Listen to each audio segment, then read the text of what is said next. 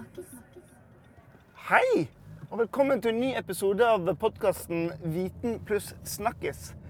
Jeg heter Halvard Larvoll, og akkurat nå sitter jeg i bilen min på vei opp til Kjeller. Der skal jeg eh, hente Kai André Fegri. Han jobber som eh, trafikklærerutdanner. Og eh, skal høre litt mer om, med han om hvordan det er å være trafikklærer, litt om trafikktrygghet. Og så er jeg litt spent på hva han syns om kjøringen min. Så velkommen til en ny episode. Men Kai, velkommen inn i bilen min. Um, du jobber da som uh, trafikklærer-lærer, er det en måte å si det på? Ja. Syns jeg er en god, god betegnelse. Ja. Du utdanner altså da de trafikklærerne Ja. som skal Jeg utdanner de som skal utdanne gode trafikanter. ja. Spennende. Det, hva vil det si å være en god trafikklærer, da? Eh, Det Først og fremst så må du ha en faglig kompetanse som, som, som går utenpå de fleste. Altså du må vite hva du holder på med, rett og slett. Og dernest så må du være rolig og saklig. Altså at, at det er en trygg atmosfære gjør at du lærer noe som elev, ikke sant? Og så må du være tidlig ute. Du må være våken. Ja. Det er sånn at eh, når jeg forteller deg om en situasjon som kan oppstå foran bilen i et kryss f.eks., så må jeg være så tidlig ute at det kan gå gjennom hodet ditt, og du tenker over det og gjøre noe riktig med det uten at jeg trenger å gripe inn. Så hvis jeg ikke er våken, og jeg er for seint ute, så må jeg faktisk gripe inn for å unngå kanskje risiko. Og da er det min feil og ikke eleven. Men eleven vil jo kanskje sitte igjen med følelsen at oi, det var min feil. Ja. Så det er noe med det. Du må være tidlig ute, rett og slett. Så Våken. kjenne til alle mulige scenarioer og hva som kan skje i ulike Ja. situasjoner. Men der kommer du på den faglige biten. Du må forstå trafikkbildet. Du må forstå utviklingen i trafikkbildet. Noen trenger stor plass, noen trenger lite plass. Noen gjemmer seg bort. Noen eh, syns veldig godt. Og da må du liksom kunne vektlegge de momentene, da, sånn at, eh, at den fremtidige trafikanten også gjør det. Og forstår trafikkbildene. Det kaller vi da samhandling. Det å tilpasse seg hverandre.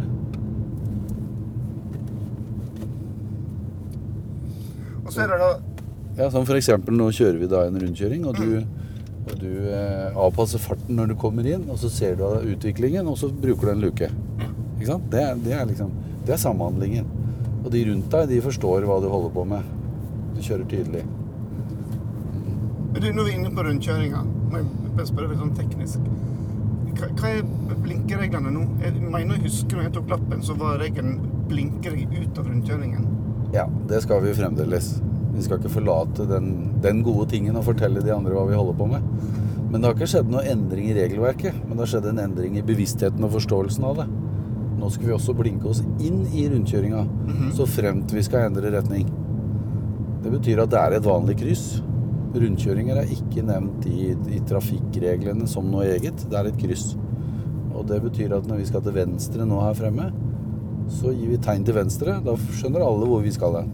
Så du skal allerede før du kjører inn i rundkjøringen, nå Ja. skal jeg blinke til venstre. Ja, Her var det jo to felt i tillegg, da, så ja nei, men nå, nå skjønner alle her borte at oi, ja, han skal til venstre, han. Ja, da skal han dit. Ja, så fint. Og så tilpasser de seg til det. Så, så blinker jeg seg ut igjen. Ja, Og så blinker vi til høyre. Da skjønner de at å ja, han skal jo dit. Ja, fint. Da er vi helt med. Du besto. Jeg ble stått til rundkjøringen. Å høre. Men det, tilbake til denne utdanningen for å bli trafikklærer. Eh, Det er en toårig utdanning. Ja. To år fulltidsutdanning. Ja. Og eh, sånn som jeg skjønte, så er det en ganske populær utdanning. Ja, vi har veldig mange søkere. Vi hadde vel sånn rundt regna 700 søkere på 24 plasser i år. Oi. Så det er ganske høyt nivå sånn sett. Hva som gjør at den er så populær, da? Nei, det, trafikklærerstanden er jo ganske synlig, da. Du ser jo noen hver dag. Eh, Der også tiltrekker seg de som er interessert i bil, eller kanskje interessert i trafikk. Eller på annen måte eh, kjenner til yrket. Og så er det jo et renslig yrke. Du treffer mennesker. Det er liksom Det er hyggelig hvis du er, hvis du er sånn skapt sjøl, da. Det er sosialt. Ja, sosialt. Hvis du er sosial, da, så, blir det litt lettere. Og så er det jo en eh, faglig kompetanse som ligger der, som, eh, som mange er interessert i, rett og slett. Og så er dette med trafikksikkerhet. Det er veldig fokus på det i samfunnet. og Da, da vil det også tiltrekke seg de som ønsker, ønsker å gjøre noe med det. Jobbe for den saken, på en måte. Så, så du vil si at du har en del ildsjeler her? Ja, det er mye idealisme egentlig når du starter studiet. Ja. Og så er det mye jobb underveis for å nå det målet at du får den kompetansen som skal, som skal til, da. Som kreves. Og, og det er mange som på en måte blir overraska over hvor sammensatt det er. Samfunnet for øvrig vil jo tro at det er å lære å starte og stoppe en bil. Mens vi jobber med samhandling i trafikken og forståelse av trafikken, og ikke minst motivasjon for å gjøre de riktige tinga. Hva du legge i motivasjon? Det er rett og slett eh, viljen din til å gjøre det som trafikksystemet krever av deg. Da. At, at du ikke kjører for fort, at du faktisk gir tegn, at du ser deg rundt, tilpasser farta, alle de tinga der. Fordi vi vil alltid ha noen som eh, enten har en dårlig dag, eller er litt, dårlig generelt, som, som brøyter seg fram, som ikke tar hensyn til de andre i trafikken. Og da vil det være en mangel av motivasjon for å følge det regelverket som du faktisk veit er der. Men hvordan kan en eh,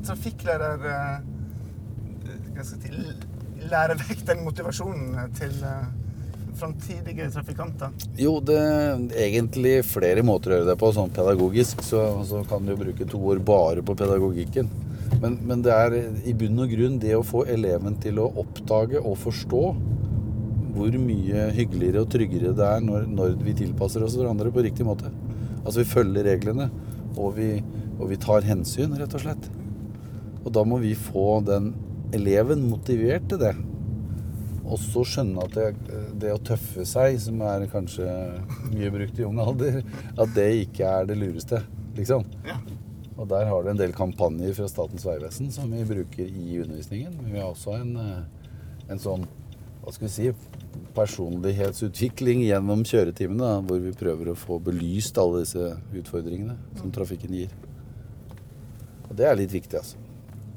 Nei da, den motivasjonsfaktoren, da, det er jo den sterkeste elementet i det som vi prøver å jobbe med, da. Vi jobber med mennesker, da. Det å starte og stoppe bilen er forholdsvis enkelt i forhold til alt det andre vi skal kunne som trafikant i dag. Og du kan jo tenke deg konsekvensen av en ulykke. Altså hvis, du, hvis det er en litt alvorlig ulykke, så er konsekvensen at du bærer på en skade eller noe resten av livet, eller du kan omkomme, ikke sant? Og det, konsekvensen der er jo mye større enn om du får en bulk i en skjerm eller noe. Det er liksom ikke noe å prate om i den sammenhengen. Og samfunnsmessig så er det jo også en samfunnskostnad som ligger i, i alle trafikkulykkene, og den, den er ganske betydelig. Er det et stort ansvar en har, en trafikkleder. Ja. Skal... Det, det er litt sånn, Du kan jo tenke deg hvis du skulle finne på noe gærent nå, så, og jeg griper inn for å forhindre at det skjer noe, så, så gjør jeg det riktige. Men hvis jeg da skulle på en måte feile, da, og, og det skjer en ulykke, så vil jo Da har jeg ikke oppfylt den, det samfunnsansvaret, for å kalle det det. Og da, da blir det jo Det er en oppgave i seg sjøl. Altså forebygge risiko. Men du, det er mange som spør seg Må det koste så himla mye å ta lappen? Eh, svaret på det er ganske enkelt ja. eh, de har Myndighetene pålegger, eh, pålegger den fremtidige trafikant en kostnad ved opplæring. Grunnen til opplæringen er helt åpenbar. Trafikkstatistikken og ulykkesstatistikken sånn jeg tenker på Grunnen til ulykkene da, den, eh, den er ganske tydelig på det, at, at dette hjelper. Men det er jo fire faktorer som jeg vil trekke fram da. Det er jo først og fremst opplæring og den motivasjonen vi snakka om. Altså At du er motivert til å følge reglene. Det er viktig. Da må jeg liksom påvirke din holdning til det, eller påvirke ditt følelsesliv på en eller annen måte, sånn at du skjønner konsekvens. Eh, Det andre er jo trafikksystemet, altså at veiene og infrastrukturen er riktig. Eh, Det tredje er, eh, det er kampanjer som Statens vegvesen har, som, som også er med på å redusere risiko. Og så vil det fjerde være at vi får sikrere biler. Men hvis du ser på statistikken, så er det færre døde. Men det er ikke kanskje så god statistikk på de alvorlig skadde. Så det betyr at alle disse faktorene her eh, kanskje ikke reduserer antall ulykker, men det reduserer skadeomfanget. nå må vi kanskje begynne også, også jobbe med å få redusert antall ulykker av enhver art som skader mennesker. Ikke sant? At, det- at det blir fokusen. Og da må vi inn på motivasjonsfaktoren. For kunnskaper, ferdigheter har vi gjerne, og, og holdningene har vi på en måte nedfelt i oss. Og så er det dette med evnen har de fleste. Og da står vi igjen med den motivasjonsbiten, som er viktig. Hvis jeg er motivert for å holde fartsgrensa, så gjør jeg det. Hvis jeg ikke er motivert for det, så kan det fort skje eh, dramatiske ting da, fordi jeg kjører for fort, f.eks. Du kan bare tenke deg når du nærmer deg rundkjøringa nå, det at du slipper gassen tidlig og reduserer farta, kanskje bremser litt, gjør at de andre mye lettere forstår hva du holder på med, og jeg føler meg trygg når jeg sitter på. For da ser jeg at du, har, du gjør de riktige tinga. Og da, når du holder på med det her, så ser du deg rundt, og så tilpasser du deg den øvrige trafikken. Da er jeg trygg. Det er bra. Men hvis du da hadde vært litt sånn eh, korttenkt og litt mer vimsete og tenkt mer på meg enn på kjøringa, så ville jeg følt meg litt mer utrygg, for da ville du vært mye nærmere de andre. Du ville kjørt fortere inn mot krysset. Du hadde seinere på med tegnet. Altså alle de faktorene der, da. Og da, da er ulykkesrisikoen større. Det sier seg sjøl. Men det er å få eleven til å oppdage dette her, og faktisk gjøre det riktig. Og også etter opplæringa. Det, det er litt av en jobb, egentlig. Du, når, eh, har dere si alderen på eh, eleven som skal lære å kjøre? Altså, mange eh, vil ta lappen så fort som mulig når de blir eh, 18 år. Men noen venter lenge. Ja. Er det noen forskjell på dette? Vi ser eh, egentlig en større spredning i alderen nå, fordi det er ikke nødvendig for alle som bor i bynære strøk lenger å ta førerkort til en alder av 18 år. De skal studere og de skal bo sentralt, og det er sånn litt urbane mennesker, kanskje. Så de kommer litt seinere og tar førerkortet, altså til opplæringen. Men, eh, men mange kommer da fremdeles tidlig og, og skal både ha motorsykkel og bil, da. Eh, Samtidig? Ja, ja, så de kommer tidlig. Noen, det er en gruppe som kommer tidlig, og så er det de som venter litt. Men vi får en litt større spredning. Men det du merker, og forskningen til dels, eh, eller forskningen viser, det er det at eh, den unge norske mann, han er kanskje litt dårlig utvikla frontallapp. Det vil da si at impulskontroll, konsekvenstenkning og, og, og den modenheten som, som du vil beskrive i trafikken, da, den mangler. Og da er du på motivasjonsfaktoren igjen. Hvis, hvis du da ikke ser konsekvensen, så er du ikke motivert til å holde reglene, og så skjer ulykker. Og vi har en over, altså Ungdommen er overrepresentert når det gjelder antall ulykker. Det Fremdeles. Men der settes det inn ganske mye arbeid. Eller det er mye sånn interesse eller mye fokus på det området. da. Så den, den har, utviklingen har stagnert. Men ungdommen er fremdeles overrepresentert sånn ulykkesmessig. Ja. Så, men det viser seg at det hjelper der òg. At de, det er en positiv utvikling. Og denne sommeren har vi jo hatt en betydelig reduksjon i antall døde omkomne i trafikken. Og det, det er veldig hyggelig, fordi vi er vel på ca. halvparten av, eh, av eh, antall døde i trafikken i sommer eh, sammenligna med i fjor. Så kanskje, kanskje Målet er jo at det kommer under 100 døde i trafikken i år. I, I 2017. 2017 ja. Ja. Og det ligger en an til å få til? Ja, det, det, det er litt spekulasjon. Ja. Altså, resten av året. Det kommer høsten, og det blir mørkt, og det regner, og glatte veier, og dårlig sikt og alt det der. Så, så vi skal ikke ta noe for gitt, men, men det viser at det arbeidet virker, fordi utviklingen er på rett vei. Og da, da snakker vi om alle disse fire faktorene. Hvor opplæring er en av de, da. Og da er det en norsk føreropplæring som, som har en kvalitet som, som på en måte skal til for å nå målet. Og derav kostnad. For da må du gjennom det og det og det og liksom disse trinnene i opplæringa. Og eh, myndighetene sier at de pålegger ikke eh, samfunnet kostnad som de ikke har tro på virker. Så ergo så er det en eh, så er det en mening bak det som skjer, da. Det er ikke, det er ikke bare Det er ikke helt tilfeldig, for å si det sånn. Men dyrt. Altså, det, er- det er en del penger. Men det er veldig billig når du tenker i sammenheng med tapte lemmer, tapt liv, eller at uh, du skader fars og mors BMW. Ja. Det blir fort 25 000 av det. Ja, det har jeg hørt om. ja, Og, og da kan du jo bare tenke deg at hvis førerkortet da koster 25 000, så er det en dråpe i havet sånn sett, da. Selv om den kostnaden føles uh, ganske stor. Men du, sånn som du jeg kjører nå eh, Føler meg veldig avslappa. Mener jeg husker når jeg, tok lappen for lenge, lenge siden, så var jeg jo masse, veldig stengt på hvordan du holder rattet. Mm. Skal du se med en viss frekvens i alle speilene, osv., osv. Og så er jo ikke det noe sånn vane jeg har helt klart å ta med meg videre. Jeg blir veldig lei deg og forarga når du ser den der, eller er dette helt vanlig eh, og, og greit? Nei, altså det jeg ser etter, det er at du har oversikt. Men det betyr ikke at du følger et visst mønster. Ikke sant? Sånn som denne bilen. Hun så ikke på oss. Jeg var snakka i mobiltelefonen. Ja, og, og da, er- da er det sånn veldig typisk situasjon. Vi kjører inn, og vi forventer at hun har sett oss og reduserer farta, og så gjør hun ikke det. Og så får ikke dere øyekontakt. Da bremser du. Så det var helt trygt. Det var null risiko. Men hvis du bare hadde stått på og driti i hun, for å si det på norsk, så ville det vært en risikosituasjon, fordi hun da ikke helt åpenbart ville stoppe for oss. Nå stoppa jeg jo langt inn i rundkjøringa til og med. Det er et eksempel på det. Men det jeg ser, det er at du har oversikten. Altså du, du følger ikke et sånt fastspikra mønster, men du følger et mønster ut ifra de forholdene vi har rundt oss. Det betyr at du har forstått hvorfor du skal gjøre dette her. Ikke bare lært av en eller annen trafikklærer, og så følger du samme mønster hele tida. For det blir, jo, det blir jo farlig, ikke sant. Og så er det det med, det med farta. At du da reduserer farta når du oppdager noe. Dette kaller vi kjøreprosessen. Den er litt interessant, for det er først sanse, så er det å oppfatte. Da må du oppfatte det riktig. Så er det avgjøre. Du må ta riktig avgjørelse. Og så er det handlingen. Du må handle på rett måte. Og da hvis du fullfører den hele tida, da, for den begynner jo hvert sekund egentlig, så, så vil du være en god trafikant, som regel. Ja. Og når det gjelder den rattbruken, så er det jo noen som er veldig nøye med åssen du skal holde i rattet. Og en rallyfører, altså Petter Solberg, han holder jo sånn.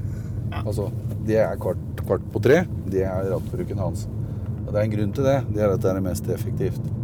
En Formel 1-fører han har jo et ratt som bare er kvart på tre. Det er ikke ratt, det er bare det håndtaket. Så, så det sier jo det samme. Men samtidig så sitter jo du nå og kjører veldig rolig og avslappa, og så holder du i rattet på den måten som faller deg naturlig, da. Altså at du, at du ikke sitter sånn anspent. Og det setter jeg pris på. Og da da, da er jeg ikke så nøye på hvordan du holder i rattet, bare du har et fast grep. Og det du vil merke sjøl, det er det at eh, når det skjer noe, og når det kreves av deg, så skifter du rattgrep til det riktige. Og så når du slapper av og du ser at det ikke skjer noe, så faller du litt bakover igjen, ikke sant? Med litt annerledes eh, rattgrep. Men eh, du skal være litt oppmerksom på at når du holder armene i veien på airbagen, Ja. den er jo midt i rattet. Så hvis du holder oppå rattet eller litt over på sånn, ja, altså, så, så vil du Da vil du hvis, hvis det skulle skje noe og vi får en kollisjon, så vil jo airbagen komme ut med 300 km i timen. Og den vil jo møte kroppen din som er på vei fremover, i, i sikkerhetsbeltet selvfølgelig. Men hvis armen er mellom deg og kroppen, altså armen mellom kroppen og airbagen, mener jeg, da kommer jo du til å fike til deg sjøl. Ja. Og det kan være veldig skadelig. Så, så det skal vi tenke litt på. At vi ikke, at vi ikke overdriver rattbruken, eller ja, gjør det så feil at, eh, at eh, underarmen spesielt er i veien for, for den airbagen, i tilfelle den skulle slå ut. Men igjen så blir det sånn at du sitter litt riktigere når det er krevende situasjoner, og så er du litt mer avslappa når det ikke er krevende. Og da er jo sannsynligheten for at airbagen kommer, veldig liten. Ikke sant? Heldigvis. men, men tenk litt på det. Så, så, så jeg tenker at vi skal holde oss unna den sonen som er airbagen, og resten er litt avhengig av hvor, hvor krevende trafikksituasjonen er. Men hva slags, eh, hva slags trafikkregler er det vi glemmer lettest? Eller hva slags synder er det vi glemmer lettest etter en del år med, med lappen og kjørt en del? Hva, hva, hva, hva ser du i trafikken er det vi er dårligst på? Det vi ser, det er jo eh, ofte at fartsnivået har en tendens til å øke litt, og så blir oppmerksomheten litt lavere, og da blir det et misforhold mellom fart og oppmerksomhet, egentlig. Så, så de beste sjåførene er jo de som da kjører rolig og, og klarer å senke farta i god tid før enhver situasjon. Mens de som er litt sløvere, de, de holder farta oppe f.eks. mot kryss eller mot situasjoner uten å tenke noe mer over det. Og da får du en utfordring, selvfølgelig. Det blir liksom den største utfordringen. da. Mm. Og, eh, og, så, og så får du, da kommer du litt på etterskudd, sånn at ting skjer uten at du kan reagere ordentlig på det.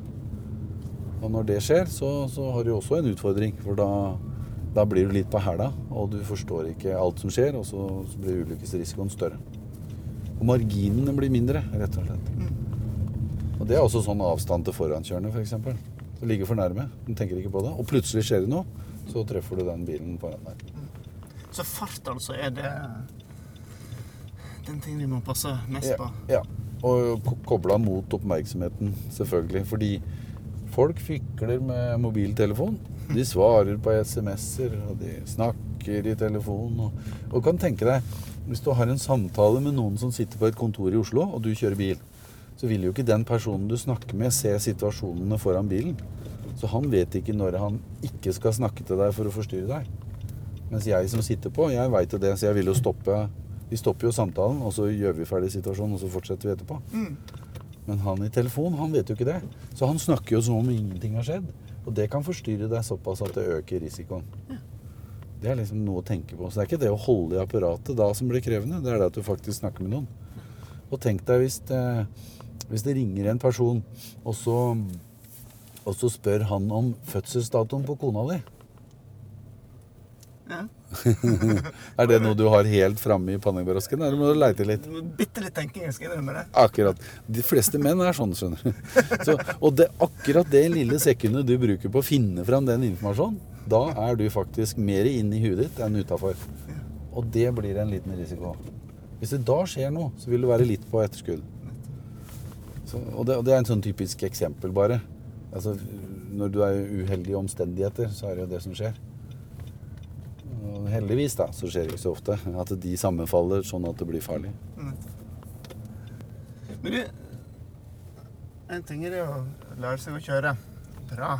Men disse bilene vi kjører, de blir jo, det er en vanvittig utvikling her. Mm. Altså, nå har ikke jeg noen spesielt moderne bil, men denne piper og blinker og, eh, og varsler ganske kjapt eh, hvis det skulle være et eller annet. Altså, en ting er jo uh... Det blir jo litt bortskjemt. Ja, jeg blir, jeg blir det. En, kan den bli mer passiv? Vi, vi merker at vi har flere, visstnok da, forsikringsselskapene sier at det er mer småskader nå. Fordi vi er vant til biler som piper og forteller oss om kameraer og det ene med det andre. Og hvis det plutselig er en bil som ikke har det, så kjører vi jo rett og slett butt i, i ting. Og det er småskader, så det er litt ubetydelig. Men, men det sier jo litt om at det hjelper oss, da. Ja. Men det som er litt sånn betenkelig i den sammenhengen, det er faktisk at det er veldig mange førere av bilen, altså bileier, bilfører, de vet ikke hvilket system bilen har. De har ikke satt seg inn i eh, Akkurat. De kjenner ikke systemet, og de vet ikke hva som er riktig eller mindre riktig atferd i forhold til bilens systemer. Så, så vi, vi prøver også å lære fremtidige eleven selvfølgelig hvordan disse førerstøttesystemene virker. Hvordan de påvirker og hjelper deg, og hva som kan være risiko med det. Men spesielt trafikklæreren må jo ha full kontroll på det. Ja. For Det er jeg enkelt, tok lappen, så var det jo ingenting av, av den typen hjelpemiddel. Nei, du hadde vel ABS, kanskje? Ja, Det var det? det hadde du kanskje. Bremse, altså. At det hjelper deg å ikke låse hjula når du bremser. Ja, det servo og brems, ja. Ja, ja servostyring. Men det ser vi vel ikke på som førerstøttesystem lenger. Det er bare, det bare er, er der. Bekvemmelig. Ja. Men, men det å ha fokus på det er litt viktig, for da, da, kan du, da kan du oppføre deg på en måte mer riktig. Men så er det en, en litt enkel forutsetning der. Hvis du stadig trenger førerstøttesystemene, hva er det et tegn på? Mm. Det er jo et tegn på at du da presser grensa hele tida. Og da er du ingen god trygg sjåfør. Da er, da er du kanskje litt, mer, litt for eh, på, for å si det sånn. Mm. Med hensyn til fart, avstand, ting som skjer. Du kan tenke deg det at hvis du stadig må bråbremse Det er en grunn til det. Det er ikke de andres feil. for å si det enkelt. Og hvis du, hvis du slipper det, så vet du at du har en horisont foran bilen som er tilstrekkelig. da. At du klarer å forholde deg til det som skjer til enhver tid. Og det er jo det viktige. Og der har vi oppmerksomheten igjen. Hvis du er uoppmerksom, så Og der er også en situasjon Nå kom en buss i krysset, og han skulle til høyre, og vi skulle til venstre. Og så tenker du 'oi, han kom nærme'. Og det er jo selvfølgelig Altså, han trenger så mye plass at han må, han må presse deg litt han for å komme rundt svingen. Hvis vi hadde vært mindre, mindre oppmerksom på andre ting, men bare på den bussen, da, så hadde vi sett at han kom, og så hadde vi gitt han den plassen tidligere. Så hadde det vært mye lettere for dere begge. Ja. Du hadde sluppet den 'oi, hva skjedde nå?' og han hadde sluppet den der finmanøvreringen. Og Det er bare en sånn enkel samhandlingsting, at vi må forstå de andre trafikantgruppene. Og den er, den, den er litt vanskelig, merker jeg. For det å få en ungdom til å skjønne de andre i trafikken, det kan være en utfordring. Da må vi prøve å påvirke den empatiske eh, empatiske følelsen deres. Altså den, den empatien som de har i seg, som ikke er vekka helt til livet enda. Prøve å spørre litt hva, hva tror du den og den syns om det og det som du gjorde nå, f.eks. Det er en måte å vekke det litt på. Og det virker, det, altså. Da får du bevisstgjort det, og så, og så vil det da være motivasjonen igjen til å følge dere, den retningslinjene som, som påvirker deg som bilfører. Da. Og det modnes med alderen. Ungdommen har litt mindre utvikla konsekvenstenkning, men det kommer seg. Altså det, det er sånn som utvikler seg. Men vi må jo prøve å redusere risikoen mens du er i ferd med å modnes. Og det er en jobb. Det er en litt vanskelig jobb, faktisk. Så vi slipper den. Ungdomsulykkene er jo egentlig mange ganger de verste vi ser. ja.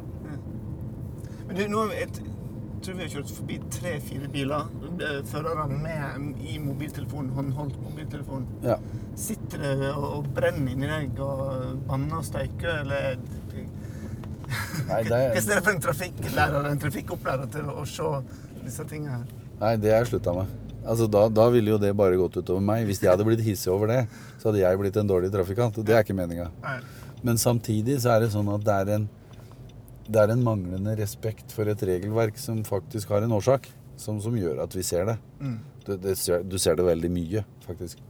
Og, og, og det, det er jo ikke bare det at du holder i apparatet som er eh, utfordringen, det er det at du faktisk har en samtale, som vi var inne på i stad, som tar oppmerksomhet. Og den du snakker med, han sitter ikke i bilen, så han vet ikke hvilken situasjon du er oppe i. Og det, det, er, litt, det er viktig. Mm. Så vi må liksom fokusere på det òg.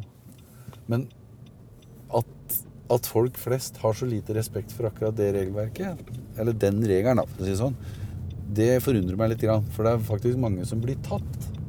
Altså Det er kontroller, og du blir tatt for å sitte med stygge bøter og den, ikke Ja, ja, jeg tror det er 1500 kroner eller noe. Ja. Og, det, og det er jo litt penger. Jeg vil jo si det er litt ergerlig å plukke det ut av lønningsposen og gi rett til myndighetene. Men, men allikevel så kanskje risikoen for å bli tatt er for liten. Mm. Vi har jo eh, statistikk, han har sagt ulykkesanalyser, som viser eh, SMS-er som er blitt sendt akkurat idet ulykken skjer. Og da, var- da har vi en indikasjon på Ja. hvor den oppmerksomheten har vært den. Og det er folk som er kommer over i feil kjørefelt og kjører i hverandre bakfra. Og det er litt sånn, sånne type ulykker som krever som, som viser at det er en mangel på oppmerksomhet da, som er årsaken. Eller en del av årsaken, kanskje. Så du, du spretter ikke ut og banker på ruta og kjefter på folk når du er privatperson i trafikken? Du, du Nei, nei, jeg har jo ikke myndighet til det, men jeg kunne godt tenke meg å snakke med noen av de og liksom prøve å spørre om de, om de vet konsekvensene, da. Mm. Altså, vet du hva du gjør, liksom? Det, det kunne jeg tenke meg, men, men samtidig så hvis, hvis jeg skulle oppføre meg som sånn politi med en sånn kjempe pekefinger, så ville jeg for det første gått utover min rolle. Men for det andre så, så tror jeg ikke jeg når fram med det. Jeg tror heller vi må ha litt sånn litt veiledende samtale rundt det, og så, og så bli enige om at nei, det er ikke så lurt. Ikke? Og så, og så oppdager du det sjøl. Da er du villig til å følge det. Og det er noe av den konfluente pedagogikken. da. Det var et vanskelig ord. ja, å lære er å oppdage. Ja. Og vi prøver å jobbe etter det prinsippet. At du utfører sjøl, og så snakker vi litt om konsekvensen av det du gjør. Og så oppdager du faktisk sjøl at ja, det var lurt. ikke sant? Ja, nei, det høres fornuftig ut. Og da øker du motivasjonen for å følge det regelverket. Eller de retningslinjene som er der. da. For noe handler om uh, folkeskikk og høflighet òg. At vi ikke plager hverandre unødig. Du kan jo snart tilbake på Kjeller her. Eh, helt sånn til slutt, når, når noen skal ut og, og, og ta lappen og, og finne seg en, eh, en kjøreskole, Det er jo, det er jo en del kjøreskoler der ute, spesielt eh, her på Østlandet. Hva skal en se etter når en skal vurdere hva kjøreskole en skal velge? Først og fremst så skal det være en godkjent kjøreskole. Så da går du inn på Statens vegvesen sine sider. Det er veivesen.no. Den må være godkjent, skolen. Og så skal det være litt sånn trygt og ordentlig. Altså hvis inntrykket ditt er litt ordentlig, så er det sannsynligvis eh, en, en god skole i gåseøynene. Og så er det viktig at du får det du betaler for. Altså Hvis du betaler for et kurs som varer i fem timer, så skal du ikke være glad når du får bare fire av de fem timene. Det er som å kjøpe en godtepose. Hvis du mangler halvparten av det du har betalt for, så er du ikke fornøyd. vet du. Sånn bør det være når det gjelder føreropplæringa òg. Så, eh, så det, det er liksom tre viktige faktorer. Og hvis du er, ikke er fornøyd, så syns jeg du skulle eh, rett og slett skifte lærer eller skifte skole. Altså Du må ikke godta når du ikke er fornøyd, for det er jo på elevens premisser opplæringa skal skje, og det er eleven som skal bli en sikker trafikant. Og det må, det må Det må du på en måte fokusere på sjøl òg. Så det er mange lærere som er veldig flinke, altså, men det er ikke alltid vi kjenner elevens behov. Så hvis de forteller oss det, så klarer vi å tilpasse oss. Mm. Så det er lov å mange. angre seg eh, hvis en har begynt en plass. Det er lov å angre seg eh, etterpå. Ja, det er, det er rett og slett eh, bare å bytte. Du, du, du er, det er liksom fritt valg, og det er eh, fri konkurranse. Så at, at disse skolene klager litt på hverandre, det vil de alltid gjøre i konkurransesammenheng. Men det er elevens oppfatning, det er elevens forståelse og oppfatning som er viktig. Og vil de bytte, så gjør de selvfølgelig det. Det, det var et veldig hyggelig eh, kjøretur. Ja, da var det, det var, det var trygt og godt. Ja, det var godt å høre. Jeg, Jeg var litt spent. Der med Du har fått opplæring av en av mine studenter, er jeg helt sikker på. Helt sikkert. Ja. Det var veldig hyggelig at du eh, ville bli med på en kjøretur. eh, og bli litt bedre kjent. Det- Et, et siste spørsmål. Tror du jobben din snart blir avslutta når vi får uh, førerløse biler? Nei. Nei, nei. Altså, det vil endre, det vil endre kravene til trafikklæreren. Eh, Vi kan, må kanskje undervise på andre områder eller på andre måter. Men eh, bli borte blir det ikke. Tenk deg nå at vi har I dag så kjører vi jo hver bil sjøl. Og så er vi i en framtid i 2050 eller 30 eller hva det måtte bli, hvor bilene kjører sjøl. Mellom der så vil du ha en miks av de bilene som blir styrt av deg som person, og de som kjører sjøl. Altså autonome kjøretøyer. Og tenk på den miksen av trafikk. da. Det vil stille vesentlig andre, men også større krav til føreren. Fordi du skal kommunisere med en robot. Og det, det er nesten som når kona di prøver å kommunisere deg når det er fotballkamp. Da er du robot. Du, du skjønner at det er ikke helt optimalt. Så, så vi har noen utfordringer der. Men den utviklingen må vi da peke på og se og utdanne den fremtidige trafikklæreren til. Og se sjøl og utvikle seg innenfor. For der vil det skje ganske mye, tror jeg. Gleder du deg, eller? Ja, ja, nei, det Altså, hvis det er veldig statisk, så blir det jo kjedelig til slutt. Dette er, nå er det jo begynt å bli veldig dynamisk. Eh, Det er vel noen eh, miljømennesker som sier at vi skal avskaffe fossile kjøretøyer i 2020. Det er tre år til. Ja. Jeg tror ikke det skjer helt, men du skjønner? Det kommer til å gå veldig fort. Så jeg tenker at eh, den fremtida er litt spennende. Men utfordrende. For alle. Alle trafikanter og alle trafikklærere. Tusen takk for at du ville høre på denne her bilepisoden av eh, Viten pluss snakkes.